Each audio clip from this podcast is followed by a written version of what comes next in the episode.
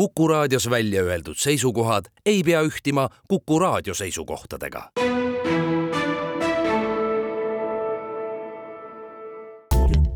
tähendused, teejuhid tere taas kuulama ja eetris on siis Tähenduse teejuhtide kahesaja neljas vestlusring ja nagu ikka, on rõõm tervitada äh, kahte saatekülalist, tere tulemast, äh, Sven Tamming, tere tulemast, äh, Ivar Trööner, et Ivar, kas sa oled, oli plaan üle vaadata, mitu korda sina oled saates ei, ei loe, ei loe. aga neid on ikkagi olnud võib-olla juba hakkab sinna kümne ligi minema või? võib-olla võib täitsa jah, et ütleks esimese hooga. Sven, sa oled teist korda, eks? ma olen teist korda, jah Heli Allikuga olid sa siis, rääkisime, Sven on meil paksude raamatute spetsialist, ülikiire, ülikiire lugeja. et olid siis äh,, Heli Allikuga oli, mis see see oli Põhjatu raamat ja Eumeniidid, mis on niisugune korralik lots ja ja tänase saate pealkiri on siis äh, erioperatsiooni Rahu, kus me räägime äh, Lev Tolstoi samanimelisest romaanist ähm,. ja ja mõlema kohta siis veel nii palju, et Ivar äh,, Ivari äh, esimene saade, kus olid Alar Tamminguga, see on meie eks kõikide aegade oodatavus esikümnes ja ja Sveni lugu lehes Kuus aastat tee, tantsu teemonitega, mis ilmus kolmeteistkümnendas numbris sõltuvusele pühendatud, mis oli pühendatud sõltuvusele, on siis meie loetavuselt, täna kontrollisin üle, et augusti järgi loetavuse kuues lugu, nii et mõlemad olete siis kuigi selle järgi, publiku magnetid, et rõõm on teid, rõõm on teid tervitada ja ma ei tea, öelge enda kohta paar sõna ka sissejuhatuseks. ma alustan selle, okei okay,, ma alustan et minu rõõm on kõige suurem võib-olla selle koha pealt, et Hardo, mu hea sõber, pluss Ivar. ja meie sõprus on veel ju vanem kui kümme aastat. ja meie sõprus on kümme pluss peale. aga just, et Ivariga sain koos olla, et me esimest korda mul on hästi meeles, kui me läksime suvepäevadel, Edmund Bergi seltsi suvepäevadel. Piklas. Ja jooksime jälle ilusti siia algusesse kokku praegu kenasti kõik kolmekesi. võtsime Ivari veel auto peale, Ivaril oli siis veel jalumurd juhtunud rattaga, eks ju. mis aasta see oli, see oli kaks tuhat? see oli kaks tuhat seitseteist kevad. või kaks tuhat üheksateist ikkagi. anna andeks, kaks tuhat üheksateist, seitseteist oli esimest korda, kui me olime seal äh, Nelijärvel. jah, jah, jah, nii ka jah, jah. või Kõrvemaal, et siis ja Ivar jättis mulle äärmiselt sümpaatse mulje esimest korda, kui ta kohe autosse istus, et, et äh, noh, ma isegi ei osanud unistada, et ma sellise korüfeega saan ühte saatesse. Et mul on tõsiselt hea meel, ta on soe inimene, ta on äärmiselt palju lugenud, ta on erudiit. ta on ja kõik kolmekesi siin kenasti koos, et see saab olema super saade. jutt läks kenasti käima küll jah, tookord, et mm, -hmm. et äh, Ivar. noh, mina olen ka praegult vabakutseline nokitseja, põhiliselt te tegelen Eesti mõtteloo uurimise ja selle siis ka loetavaks tegemiseks ja, ja, ja ega rohkem midagi ei oska. mis sul viimane oli nüüd Vella Salo või? ei olnud, viimane oli Haljan Tudam ja tulemas on nüüd Postimehe kirjastuses meil siis täismahus Elmar Salumaa filosoofia ajalugu, milles siis ilmuvad kõik osad ja kus on väga palju inimesi koostöös olnud, et see saaks tervikuna ja see oli, eks ole, see oli, mis sa andsid mulle kolm, kolm sellist. ja, aga see on hästi minimaalne ja, ja moonutatud osa, et nüüd ta tuleb täielikult toimetatud, korralikult kommenteeritud ja kõik osad alates Heegelist, Kantist, Vihtest et need nüüd jah, et sellega me oleme siin kaks aastat maadlenud sellest on mulle palju abi olnud. ja see on hästi loetav hästi raamat ja, ja siiamaani. selge ja, ja, ja täitsa. Salumaa väärib muidugi eraldi saadet. väärib, väärib. ja, sest Salumaa, noh, filosoofia ajalugu pluss ongi see, et ta tugines omaaegselt väga tugevatel saksa õpikutel, mis ei ole siiamaani oma aktuaalsust kaotanud ja keskaja filosoofia on ainuke eestikeelne siiamaani, kõige põhjalikum, rohkem ei ole midagi ilmunud see on tõesti suurepärane uudis, et Salumaa ka tuleb. siin tuleb tõesti tänusõnad Postimehe fondile öelda, kes võttis selle väga mahuka, töömahuka ja rahamahuka projekti üldse teha, et aga ma arvan, et see väärib. fondi on siin põhjust tänada paljude teiste vaieldamatult ka, kaasa arvatud selle, see saade. Paljud olulised asjad jääks Eesti kultuuris tegemata, ka Vello Salo raamatut ei oleks saanud mitte mingil juhul selle sandi poliit-, sandi, sendipoliitikaga, mida Eestis viljeletakse, sisuliselt midagi teha, nii et. Väga kena, siin me nüüd oleme ja, ja rõõm on suur. Äh, juba sealt näha lihtsalt üle tüki ajal ja pole ju ja, ja siis veel niimoodi, et sellistel asjaoludel, et äh, tegin siis saatele ka pea, pealkirjast oli juba juttu, taustapildiks valisin, ma ei mäleta, kelle maal see oli, otsisin, igatahes otsing oli Austerlitzi lahing äh,, siis äh, kus äh, Andrei vaatab taevasse, see on üks koht, mis mulle jäi seal meelde.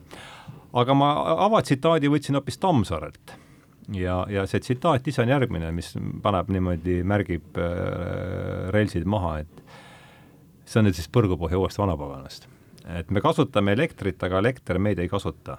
Kust me seda teame? võib-olla on just elekter see, mis ajab meid tegema, mis ajab meid kõike seda tegema, mis me tõeliselt teeme.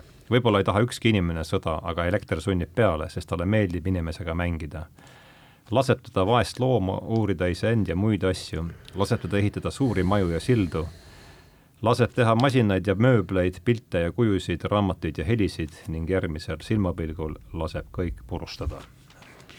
Tolstoi Sõda ja rahu on siis tänase, tänase jutuajamise teema ja see tuli siis sellest, et Sven ütles, et ta oli selle just läbi saanud ja, ja Tolstoi ei ole, Tolstoist me ei räägi esimene kord sarjas, vähemasti kaks saadet on olnud, üks oli Rainis Toomemaa ja Arne Hiobiga äh, vihtimused oli minu meelest selle ja Rainis oli tõlkinud ta äh, ta päevikuid ja teine saade oli siis sellest raamatust, mida Dostojevski nimetas täiuslikuks kunstiteoseks, nimelt siis äh, Anna Kareninast et täna siis sõjast rahust ja alustame Svenist, et sinu luge-, ma saan aru, et eh, ega sa ei lugenud ju ka, mina, mina olen teda aastaid, aastaid tagasi lugenud. selgitan jah, kaua tagasi mina lugesin, aga. et noh, selge, et Sven on kõige värskema, kõige värskemalt seda lugenud ja sealt see üldse mõte tekkiski, see, see, see, see saade teha, et räägi siis, räägi muljetest jah, et. et tegelikult, kui väga aus olla, et eh, ma päris nüüd ei lõpetanud, et mul siin no, on, mahud on päris suured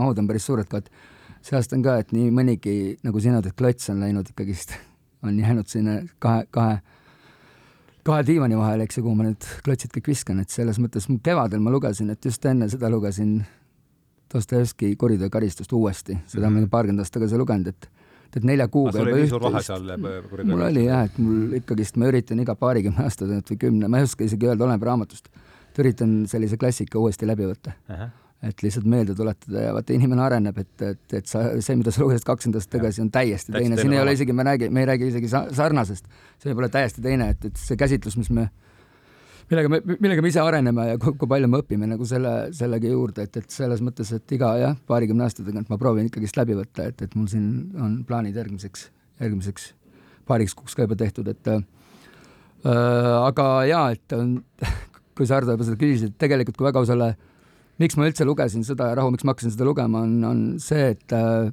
mul avaldas tohutut mõju Hanna Karenina tegelikult, et mm. Hanna Karenina on mu absoluutne lemmik Tolstoilt.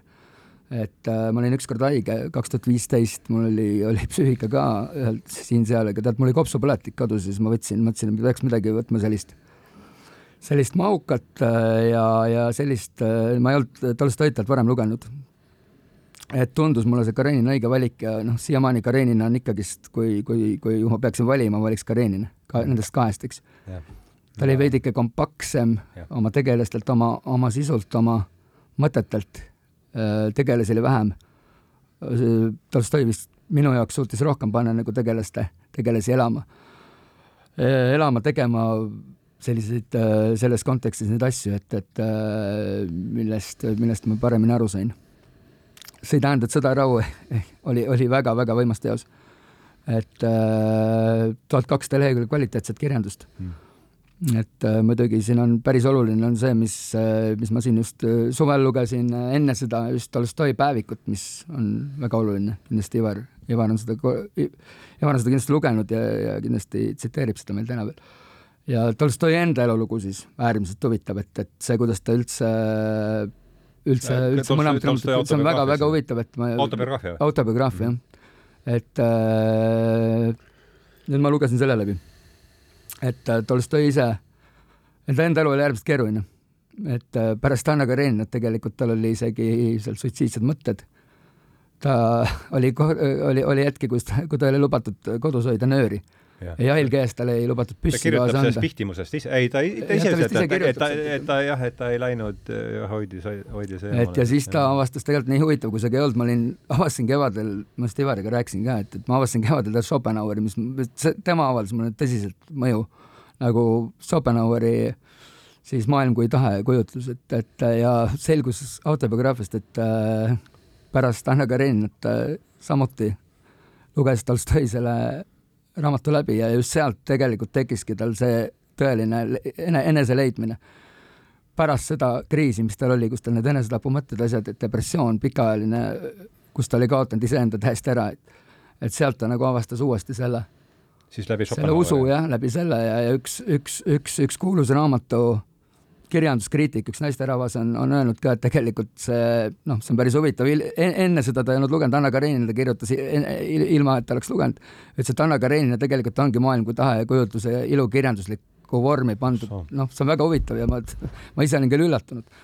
et ma ise tunnetasin, kui ma teda lugesin, et midagi neil peab ühist olema ja sealt, kui ma selle teada sain, siis see tundus nii nagu lahe minu jaoks, et et äh, kes seda ütles? see oli üks naisterahvas, ma praegu, ma võin sulle pärast teile välja otsida, et mul meeles ei ole mm. -hmm. aga just äh,, just see raamatus tegelikult äh, noh, kui palju ma arvan, te nõustute, et äh, Anna Kareninas oli Tolstoi enda tegelaskuju, eks ju, oli Konstantin Levin. siis siin ta oli, eks ju, Pierre Besuhhov, eks. noh, ja, ja, ja nad mõlemad leidsid leidsid lõpuks selle rahu, eks ju, rahu läbi, läbi usu, läbi lihtsuse, läbi noh, tegelikult nii nagu, nii nagu Tolstoi ka enda, enda lõpuaastatel töötas koos talupoegadega, et mul tuleb see koht Anna Karenistust meelde, kus Levin,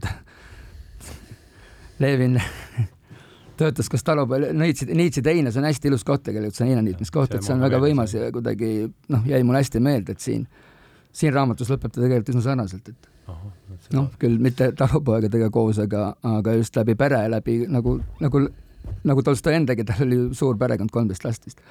et Besuhhovi samamoodi ju, raamatu lõpus on pere on, on, on läbi selle leitud õnn, mhm. et selles mõttes, et just äh, noh, võib-olla Ivar jätkab siit et me väga laiali ei läheks, siis natukene Tolstoi Sõjarahu, et see on vaieldamatult äh, kümne maailma kõige olulisema romaani hulka kuuluv äh, teos, aga Tolstoi on äh, mitte ainult kirjanik kultuuriloos, vaid ta, teda on nimetatud ka vene kultuuris terve kultuuriareaali loojaks ja paraku on nii, et Eesti lugeja, kui võtab Sõjarahu väljaandet lahti, siis ta ei leia sealt eest äh, arvukaid eessõnu, millega Tolstoi avab oma teose loomisplaani.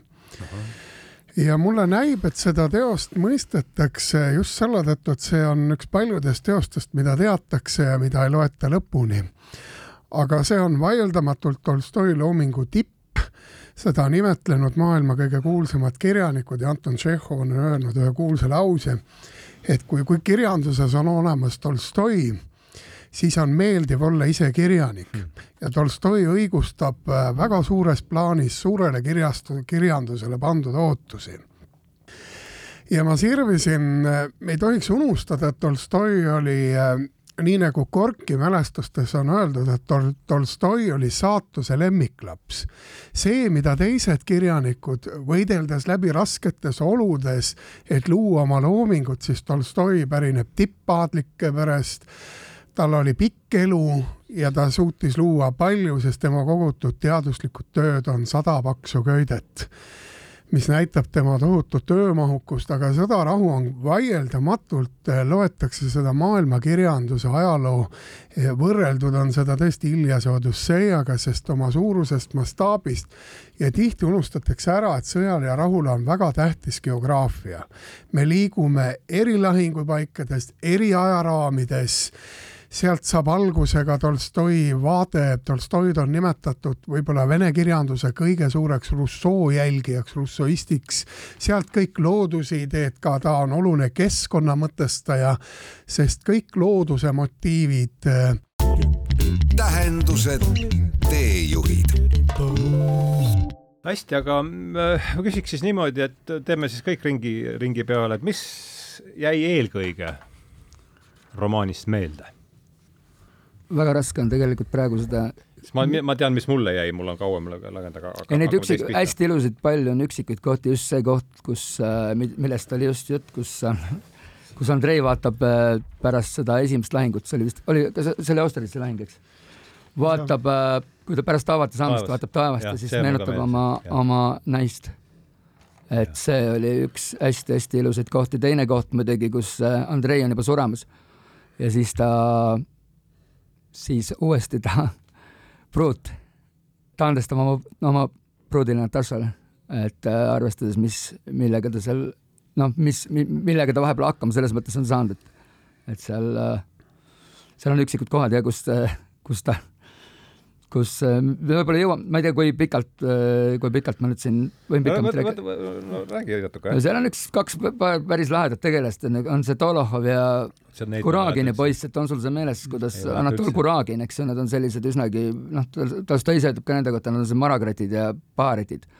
no kohe neljakümnendal, kuskil neljakümne, neljakümnendal leheküljel on see koht, kus, kus käib hirmus, hirmus, hirmus pummeldamine ja pressimine, kus äh, nii nagu ikka vene kirjanduses heades kohtades on see koht, kus, kus on kihlveod ja seal on see Bezuhhov tuleb just uksest sisse, kus on kihlvedu selle peale, et Dolohov jääb kihla selle peale, et ta joob, joob kolmandal korrusel jalad, jalad siis rippu joovad, joob puder rummi, liitrise rummi, rummi a la joob, joob ühe sammuga ära ja kõik see, mis, mis kaniteel selle, selle ümber lahti läheb, et, et see on hästi kihvt koht, joob selle lõpuks ära, võidab. kihlvedu käib ühe tema ja ühe mööduva täiesti suvalise meremehe vahel a la ja siis, ja siis ja pärast seda juhtubki see, kus nad seovad veel karu kinni politseinikuga sinna kuskile Neeva jõkke. oota, mismoodi ja, karu kinni politseinik? no karu, leiavad mingi karu, karupoja või kus kellelgi on see kaasas, siis seotakse karu koos politseiga kinni. Äh, politseinik politsei jah, reaalselt ja pannakse sinna Neeva jõkke ujuma. ja, ja, ja., ja siis see koht muidugi, kus pärast seda saadetakse Pierre saadetakse asumisele ehk siis Peterburist seltskonnast nagu välja. anna mulle esimene osa palun, ma ja seal, seal on see a la nelikümmend, vaata selle, see on kuskil neljandal leheküljel, see jäi mulle nagu väga hästi meelde, tegelikult need episood küll. see Anatol Kuragin hiljem äh, Kosto-, Kostoloviga, nad noh, Kuragin on selline tegelane, kes, kes, kes, kes seltskonnas äh, paneb naisi endasse armuma no,, nii nagu need tegelased ikka, eks ju. ja, ja eks tal on seal palju neid afääre ja siis äh, lõpuks, kui tegelikult on nad äh,, on äh, Natasha Rostova ja, ja Andrei on kiilatud, siis tegelikult äh, Kuragin korratab siis selle pruudiröövi, eks ju. paneb paari kirjaga ta armuma ja noh, totaalselt, pea on segi Natašal, eks ju, ja siis Nataša otsustab mingil hetkel põgeneda. ja siis see koht muidugi, kuidas nad põgenevad, on ka meeletu läbi Vene avarust, et see tuleb, tuletab mulle kindlasti meelde kohe seda doktor Živagot, seda metsikut vene, just need ilusad lood, mida ennist Ivar rääkis, et, et Tolstoi on ilus looduspiltide kirjeldaja. see, kui nad saaniga nagu mööda, mööda Venemaa avarusi metsi ringi, ringi sõidavad ja seal aetakse nii mõnigi inimene alla, kusjuures Moskva tänavatel täiesti noh, nii et nad on ikka tõsised, tõsised maragratid. ja see, see andestus ja mis tegelikult äh, Andrei ju andestab siis enne surma, teades, et ta ise tunneb, et noh, eks tal ei ole palju enam elada jäänud ja, ja ja Natasha põetab teda ja siis nad tegelikult üksteisele andestavad. et see on väga ilus koht mm. et, et võib-olla tooksin sellised kohad. muidugi kogu see Pierre'i, Pierre'i tegevuse algusest, eks ju, et et siis Pierre'i areng. alates kohad, kus ta võetakse vabamüürlaseks, on väga huvitav koht, eks ju. ah et on sul, sul ei ole see meeles, jah? No, ta ju tegelikult lubab enne seda, kui need esi-, kui, kui see esimene pummelang toimub, ta annab tegelikult oma parimale sõbrale, Andreile, nad on ju Andreiga parimad sõbrad, annab talle tõotuse, et ta mitte kunagi ei lähe enam linna peale, linna peale möllama, et, et siis tegelikult ta ju murrab kohe momentaalselt selle lubaduse. Ja siis noh, edasi on, pärib, pärib selle suure, see on sul kindlasti meeles, kuidas ta pärib, pärib äh, vanalt Besuhovilt tohutu varanduse midagi võib-olla, aga pigem ta on ju sohi laps tegelikult neile, tal ei ole ametlikku õigust, õigust seda saada, eks ju.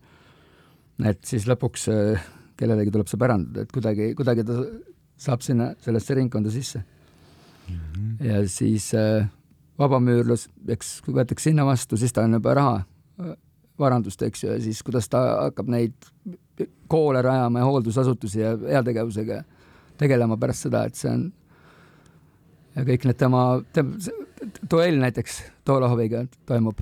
Mingis Kelle? osas Tolohoviga duell, et see on see, kus ta on üks murra- ja tema üks, murrangutest tema elust.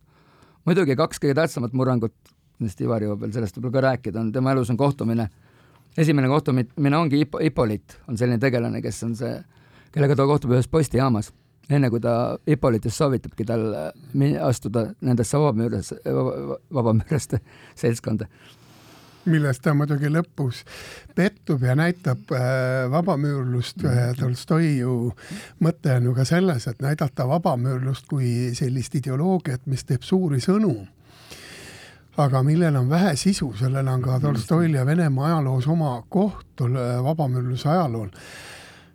ma tulen selle selles Tolstoi Sõjas ja rahus jaguneb kujutatav või kunstiline maailm täiesti selgelt kaheks üks on see nii-öelda aadlike kujutamine ja teine on rahva, sellesama talurahva kujutamine, kelle seast siis ka tulevad kangelased.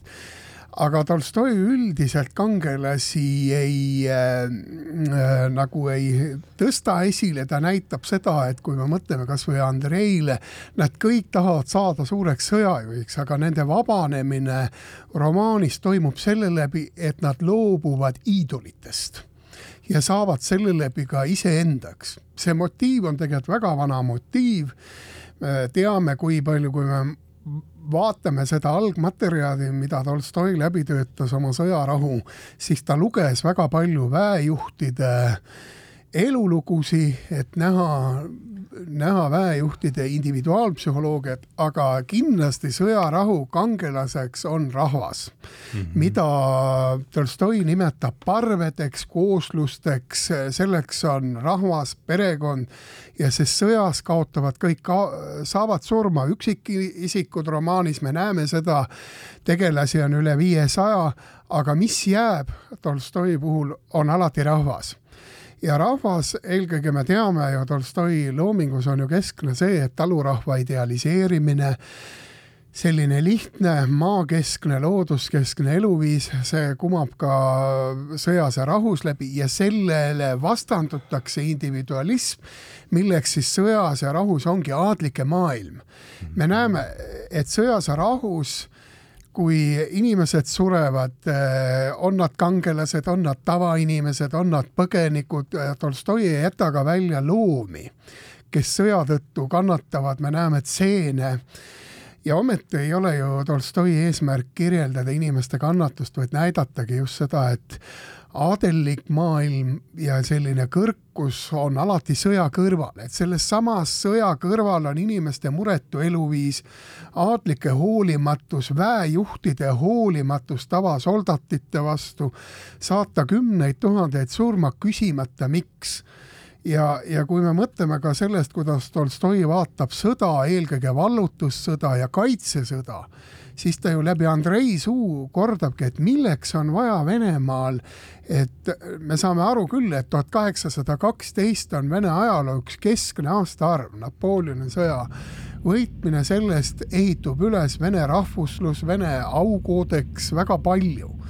aga Tolstoi siiski küsib, et mis on selle sõja mõte me näeme need ja ometi need arvukad tegelased, kes ta romaanis seal esile, neid ei jõua siin neid süžeekäike esile tuua, romaan on liiga pakk selleks ja liiga andmetihe.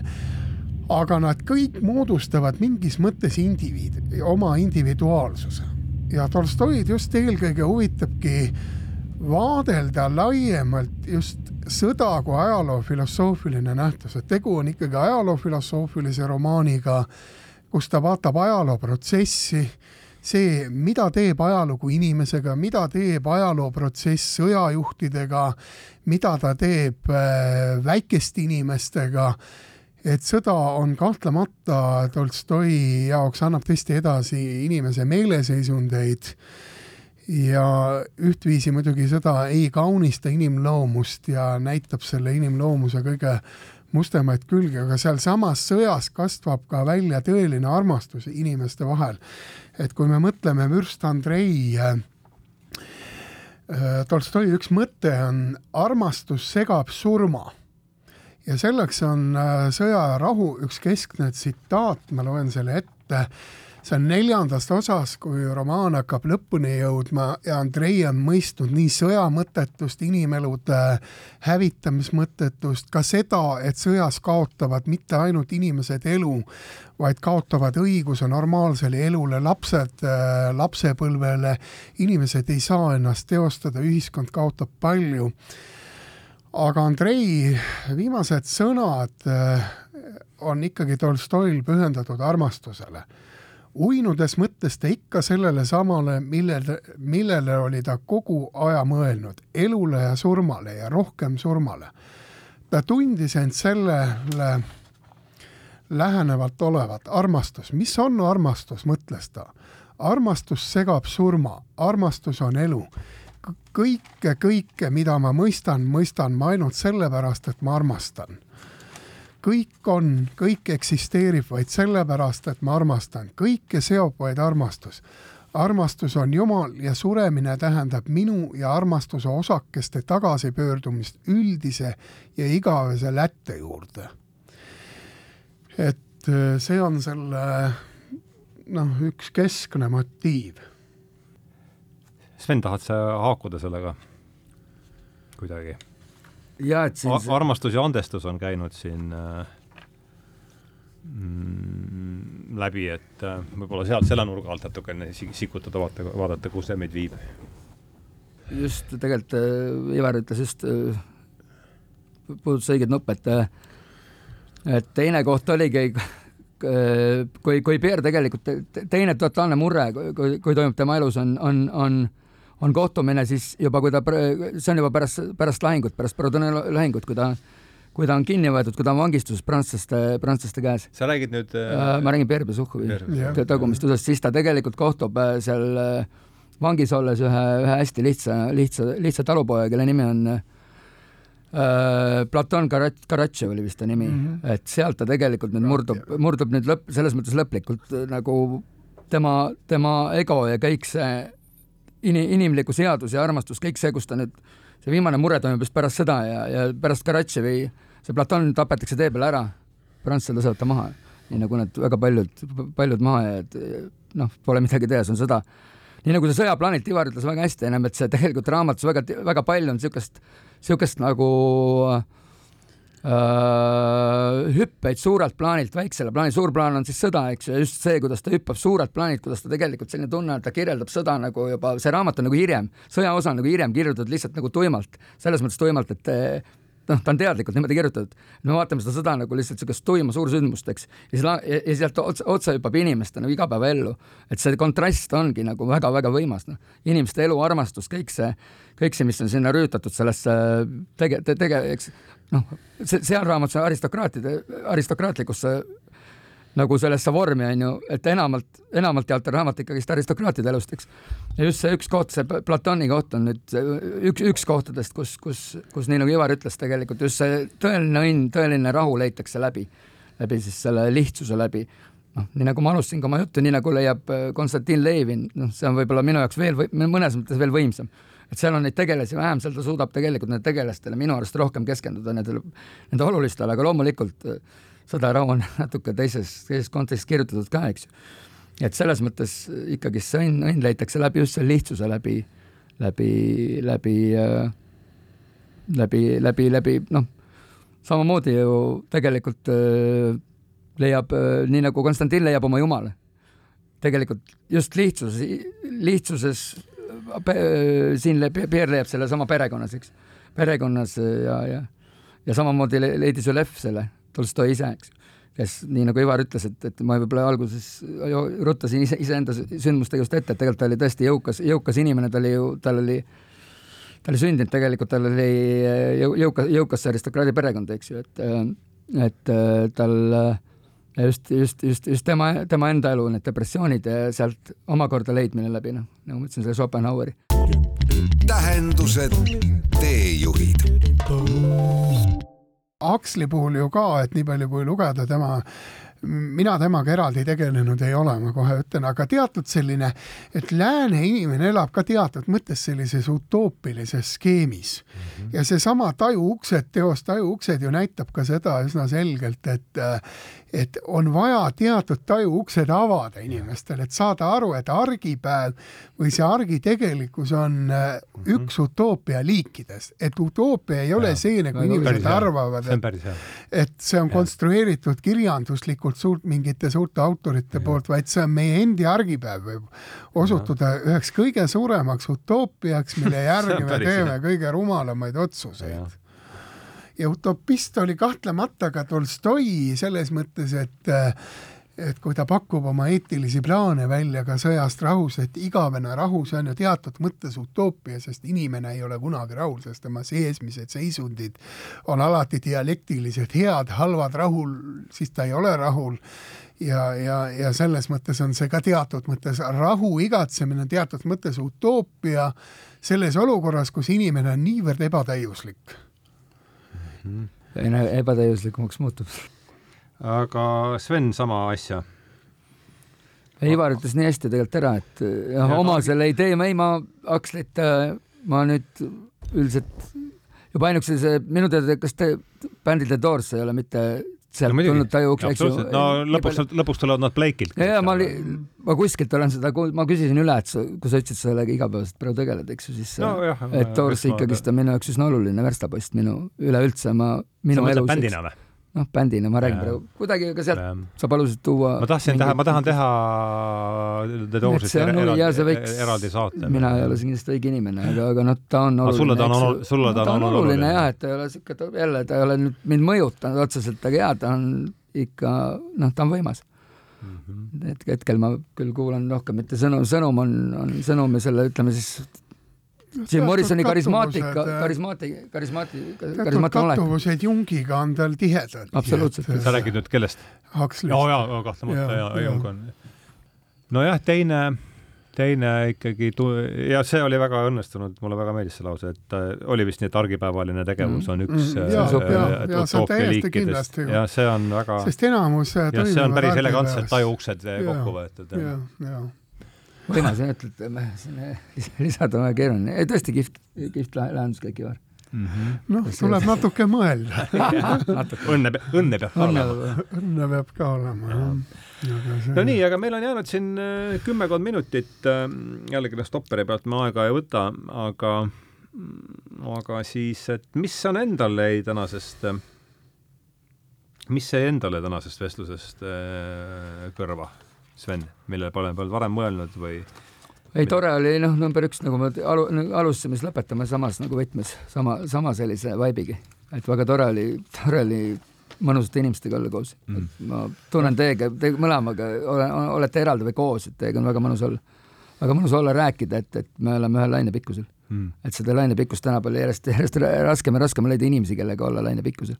ja leida, leida inimesi ja leida seda situatsiooni, leida üldse aega ja kõike, tegelikult eelkõige inimesi muidugi. ja ütlesid, see on niisugune võimalus siin, et saab veel mikrofoni taga seda joru nagu... ajada, on ju täiesti ma loodan, et see on nagu- välisjoru see ei olnud. ei, joru, vastupidi. inimeste aja suhtes peab ka mingi moraalne tunnetus no inimestel on alati võimalus panna ma kinni. ma väga loodan, et oli, eks. Eh, kinni, no küll nad eelkõige me sellepärast tulime, aga nagu sa, Ardo, küsisid minu käest, et mis, puhtalt minu, mis, mis oli minu nagu tunne, eks mõnus oli ja, ja, ja, ja sai targemaks, et Ivaril väga kihvtid mõttekäigud, et eks jälle nagu alati, ma ütlen, Ivar on alati terav ja terav nagu tšillipipar ei, ta on hea, eks ju, et, et selles mõttes lugemus ja kõik, et temaga on alati hea rääkida, et whatever kus ei toimu, onju, tore oli siin saates. selles oli küll, ei, olen täiesti, olen täiesti nõus, et oli vahva, vahva, vahva koos olla ja loodetavasti sellest. et seda ei saa iga päev, iga, iga päev näiteks seda niimoodi kokku leppida raske. halve, halvema tujuga me siit et iga päev me nii suurt teost ei räägi, aga no mul on natuke Tolstoist kahju, et ta on nii suur autor nii mm. väikese aja jaoks, kus me elame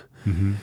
ja, ja selle tõttu teda ka vähe loetakse, et aeg ja inimesed on liht-, mitte Tolstois ei ole probleem, vaid meie aeg ja inimesed on liiga väikesed ja väikeste inimest, me elame niisuguste väikeste inimeste argimaailmas ja kujutame ette, et see on suurus.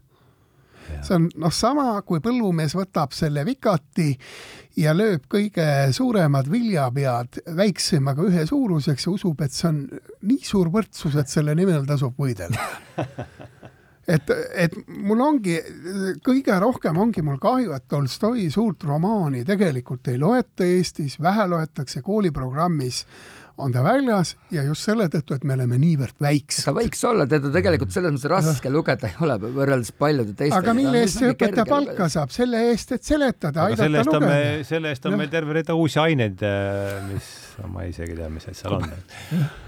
aga jah mul üks, üks lause, mis äh, on mul siin, mis haakub võib-olla sellega, mis Ilar ka rääkis, T.S. Eliotilt, et a modern man, ma kõigepealt inglise keeles, modern man is distracted from distraction by distraction, et see on ja, minu meelest no see võtab, võtab kujundlikult kokku. võtab päris ilusti see on tõesti hästi öeldud.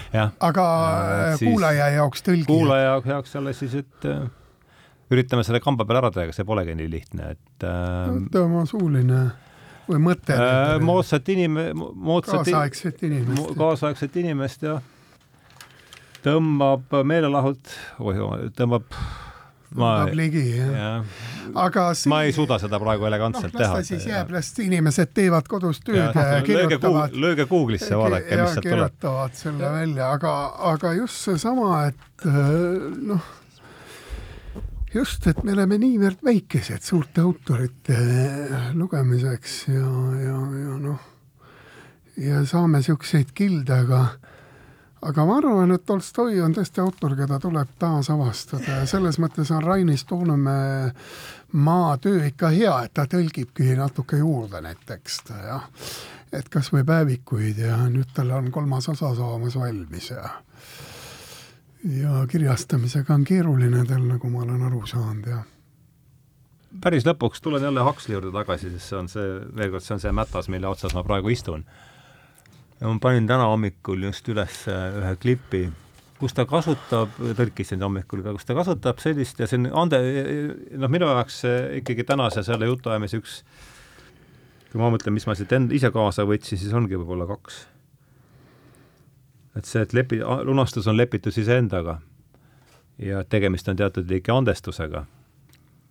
ja see, et, et, et tajuuksed ütlevad, et et argipäevane tegevus on üks utoopia liikidest, see mulle ka väga, see mulle ka väga meeldis.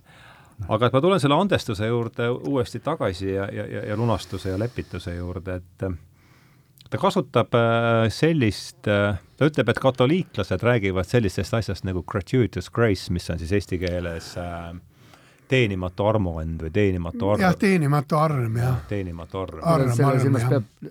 Sa mõtled indulgentsi neid või? ei, ei, indulgents on ikka, ei, see on, see on teine, see on ikka niisugune riigieelarve rahastamise vahend pigem ei, ma, ma aga... intelligentsiga üle kantud tähendus, võib-olla siis aga just jah, et kuidas armu... teie, eh, jällegi juhu, kolm juhudialoogi siin laua ümber, et, et Ivar. kuidas milliseid assotsiatsioone tekitab teis, see kuidagi mul jäi, mulle jäi see kuidagi sisse ja, ja mulle väga meeldis see, kuidas ta sellest, et äh, jah, et ole hea, Ivar, hakkame sinust siis laseme Svenil lõpetada. ega see kordab sama mõtet, nagu C.S. Lewis on öelnud, et ja, see põhimõtteliselt küll, jah andestab meis seda, mis meist tegelikult on andestamatu ja ega kas see on katoliiklaste avastatud või on ta anglikan, tema oli anglikan, selline väga hea autor, suurepärane kirjanik. ma saan aru, et see kontse lihtsalt on seost, seostub katoliiklusega, muidugi tunne on ju. ja, ja ega see nii, see on ju piibli enda mõiste, see on ju pa, pa, Pau, Pauluse kirjadest tulenev mõiste. arm tegelikult tähendab, sel-, selleks ei pea sinna seda eest-, arm üldiselt tähendabki seda, et meile antakse ikkagi andeks seda, mis on andestamatu. ja, ja sealt tuleb kohe järgmine on ohvri mõiste, et selleks kristlusest tuleb see, seda ei saa lahti siduda kristlusest ohvri mõisteks, et see on Jeesuse ohver sa ütled, et arm ja ohver on omavahel? vaieldamatult, ei ole lihtsalt armu, et see süü, keegi peab selle armu nimel tööd tegema ja midagi loovutama, et arm ei ole puhas mõiste selles osas, et äh, aga kuidas siis läheb sinna see teenimatu? no meie seisukoha pealt on ta teine, sest me teeme teatud mõttes te, neid, me saame andeks äh, tegu, võib-olla ta on selles mõttes ka teenimatu, et väga palju tegusid me ju ei, üldse ei teadvusta, et need on väga halvad mm. -hmm. me saame, meie teadlikkus tekib ju palju hiljem sellest aga kas sa ei mõtle, see, mul tuli just meelde see kuulus, kuulus lause, ma olen hästi palju viimasel vaielnud ja küsinud inimeste käest, kust see tuleb, et tee, tee põrgusse on sillutatud heade kavatsustega, kas ta nüüd ei haaku ka selles mm., kuigi see on niikuinii, ma mõtlesin Ivar sinu käest küsida, kas ma olen nüüd nii palju, kui ma arvan, kas, kas see mitte Luteri suust ei tule? Et see on kihvt, tegelikult see on hea kihvt lause, kas see ei ole sama asi, et me tegelikult ei tea oma igapäevast, et me me loodame, et me või arvame, et me teeme head, eks, aga see kõik selgub hiljem, kui meie mõtted on, eks ju, kui, kui meie mõtted on, kavatsused on küll head, eks ju, aga me, see tuleb, see tuleb nagu meie mu, mu, teadmatuse või meie rumaluse seest. pigem, kas, kas see ei haaku ka mitte täna, kogu tänapäevase maailmaga, eks. et kui see tuleb rumaluse seest, siis ta tegelikult on põrgusse minek, eks ju kui ta on, kui ta on rumaluse seest tulnud head kavatsust, kas, kas, kas sa ei ja, ja seda teenimatut armu, noh, seda on ikkagi seostatud ka sellega, et selle niinimetatud päris patu mõistega, et inimese sees ongi algselt selline patuna alge ja selleks, et seda neutraliseerida, ongi, vajab ta ka sellist teenimatu armu. sest ei ole pluss-pluss suhet. inimene ei suuda kunagi tasakaalustada no ma ei tea, kui palju siin kristlikest mõistetest rääkida, aga ma mäletan ühte Anton Tšehhovi kirja, kes ei olnud kristlik mõtleja, kes on väga ilusasti võtnud teatud mõttes äh, kokku selle, et inimese elu on tegelikult siis tähenduslik, kui meie elu võimaldab teha heaks seda halba, mida me oleme oma elus teinud. et kui elu annab meile selle võimaluse teha ka seda heaks mm. -hmm. tihti elu seda ei anna yeah ja, ja seda ei pea üldse seostama kristliku, vaid see ongi inimolemise mm, eetika mm, laiem plaan. ja, ja ma loodan, et see teenimata arm viib ka inimese selleni, et ta saab aru, et tal on kohustus teha, üks elu eesmärke peaks ka olema see, et teha heaks seda, ka seda halba, mis on teadvustamatult tehtud või mida ei suudeta piisavalt hetkel mõtestada, et tal jääb aega selle heastamiseks. Yeah sest ei, ei ole elu ainult see, et ma teen oma sigadused ära ja loodan mingi metafüüsilise kontseptsiooni peale, et küll seal ala andestatakse.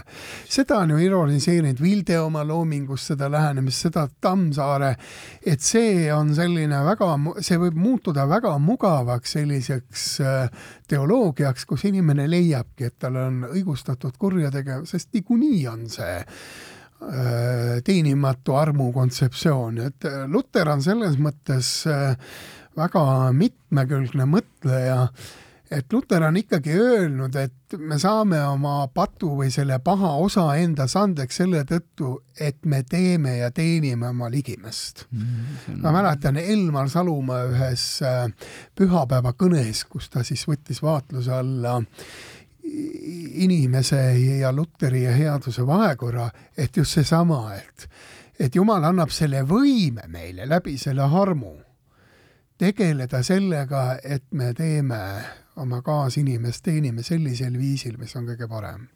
et see ei võimalda mingit nagu mugandumist.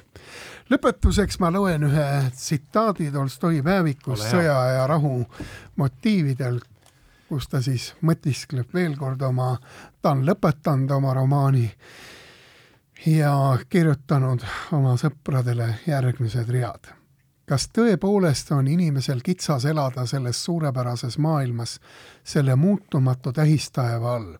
tundub, et kõik halb inimese südames peaks hävima kokkupuutes loodusega, ilu ja headuse kõige vahetuma väljendusega suur tänu teile! Lähme tagasi oma utoopilisse argipäeva et need inimesed, kes pidid meid kannatama, siis eh, Eliotiga kodus veel kodutööd tegema, kui Ivar, Ivar neid vanemliku õpetajana suunas kõigi, kõigile kõike panemat et eh, ja tänan eh, Sven Tamming, tänan Ivar Trööner, tänan kõiki, kes on Ardo. teinud saate võimalikuks ja lähme siis taas Joone lahku vett. suuremate sõpradena, kui me enne olimegi. kõike kaunist! tähendused, teejuhid